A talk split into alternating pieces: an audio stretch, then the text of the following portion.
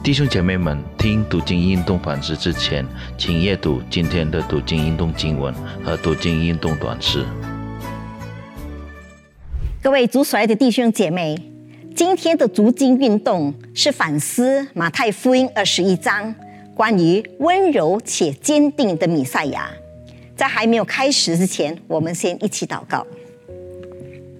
天父上帝，我们感谢你再次赐予我们。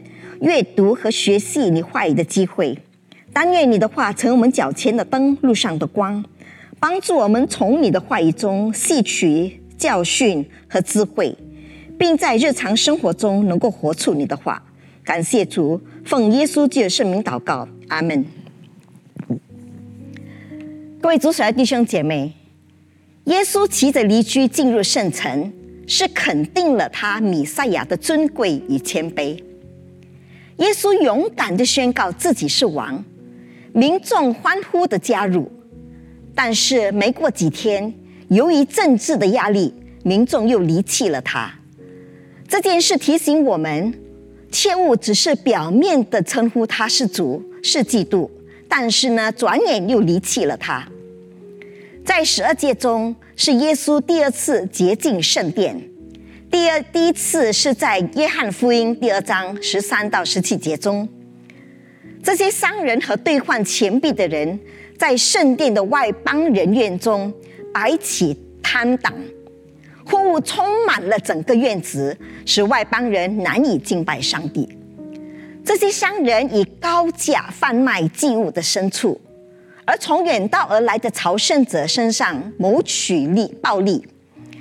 他们使上帝的变变成了市场，妨碍人敬拜上帝。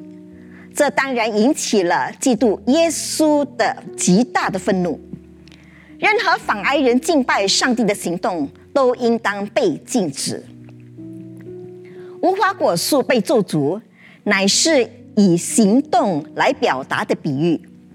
耶稣的愤怒是针对没有实质的宗教。正如这棵无花果树一样，远看很茂盛，但近前来看呢，却没有果实。圣殿的外貌给人留下深刻的印象，但是里面的献祭活动却极为肤浅，人们都不是真诚的敬拜上帝。倘若我们只是表面的信心，却没有实际的行动，就像这棵枯干枯干的无花果树一样。真正的信心就是为上帝的国结出国子。许多人都奇怪，耶稣说：“人若有信心，不疑惑，就可以把山移去。”那耶稣当然不是鼓励他的门徒利用祷告来表演移山的异能，只是要指出门徒，也包括我们，是缺乏信心。这里并不是保证我们向耶稣祈求并相信，就可以得到我们想得到的一切。上帝不会应允那些会伤害我们或别人的祈求，以及那些违反上帝本性和旨意的事情。我们的祷告必须与上帝国度的原则一致。我们的信心越强，上帝也会乐意的应允我们的祷告。人们都在寻求外表的权柄的标记，古今中外无一不是。但耶稣的权柄来自他自己。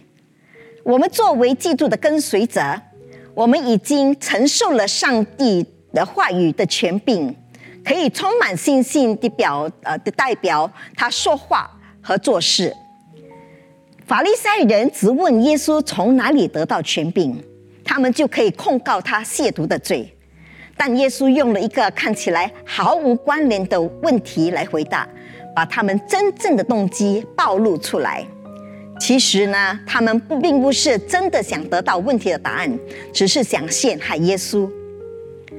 最后，耶稣用凶恶圆户的比喻，指出了一块石头可以从不同的方面影响人，全在乎人与他的关系。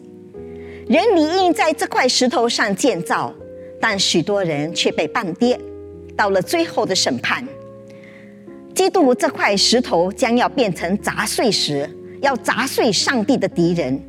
现在他施怜悯和赦免，将来则要审判，因此呢，我们现在就应当选择跟从他。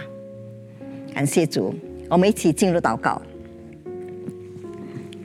天父上帝，我们感谢你，在这里提醒我们，你是温柔且坚定的弥赛亚。但愿接着你的训诲，过着遵行你的旨意和讨你喜悦的生活。求你帮助我们，能够紧紧的跟随你，不可敷衍了事，更不可违背你的话。我们知道内心远离你是很危险的，因为你是知道我们心思意念的主。我们必须要言行一致，讨你喜悦。感谢主，奉耶稣是圣名祷告，阿门。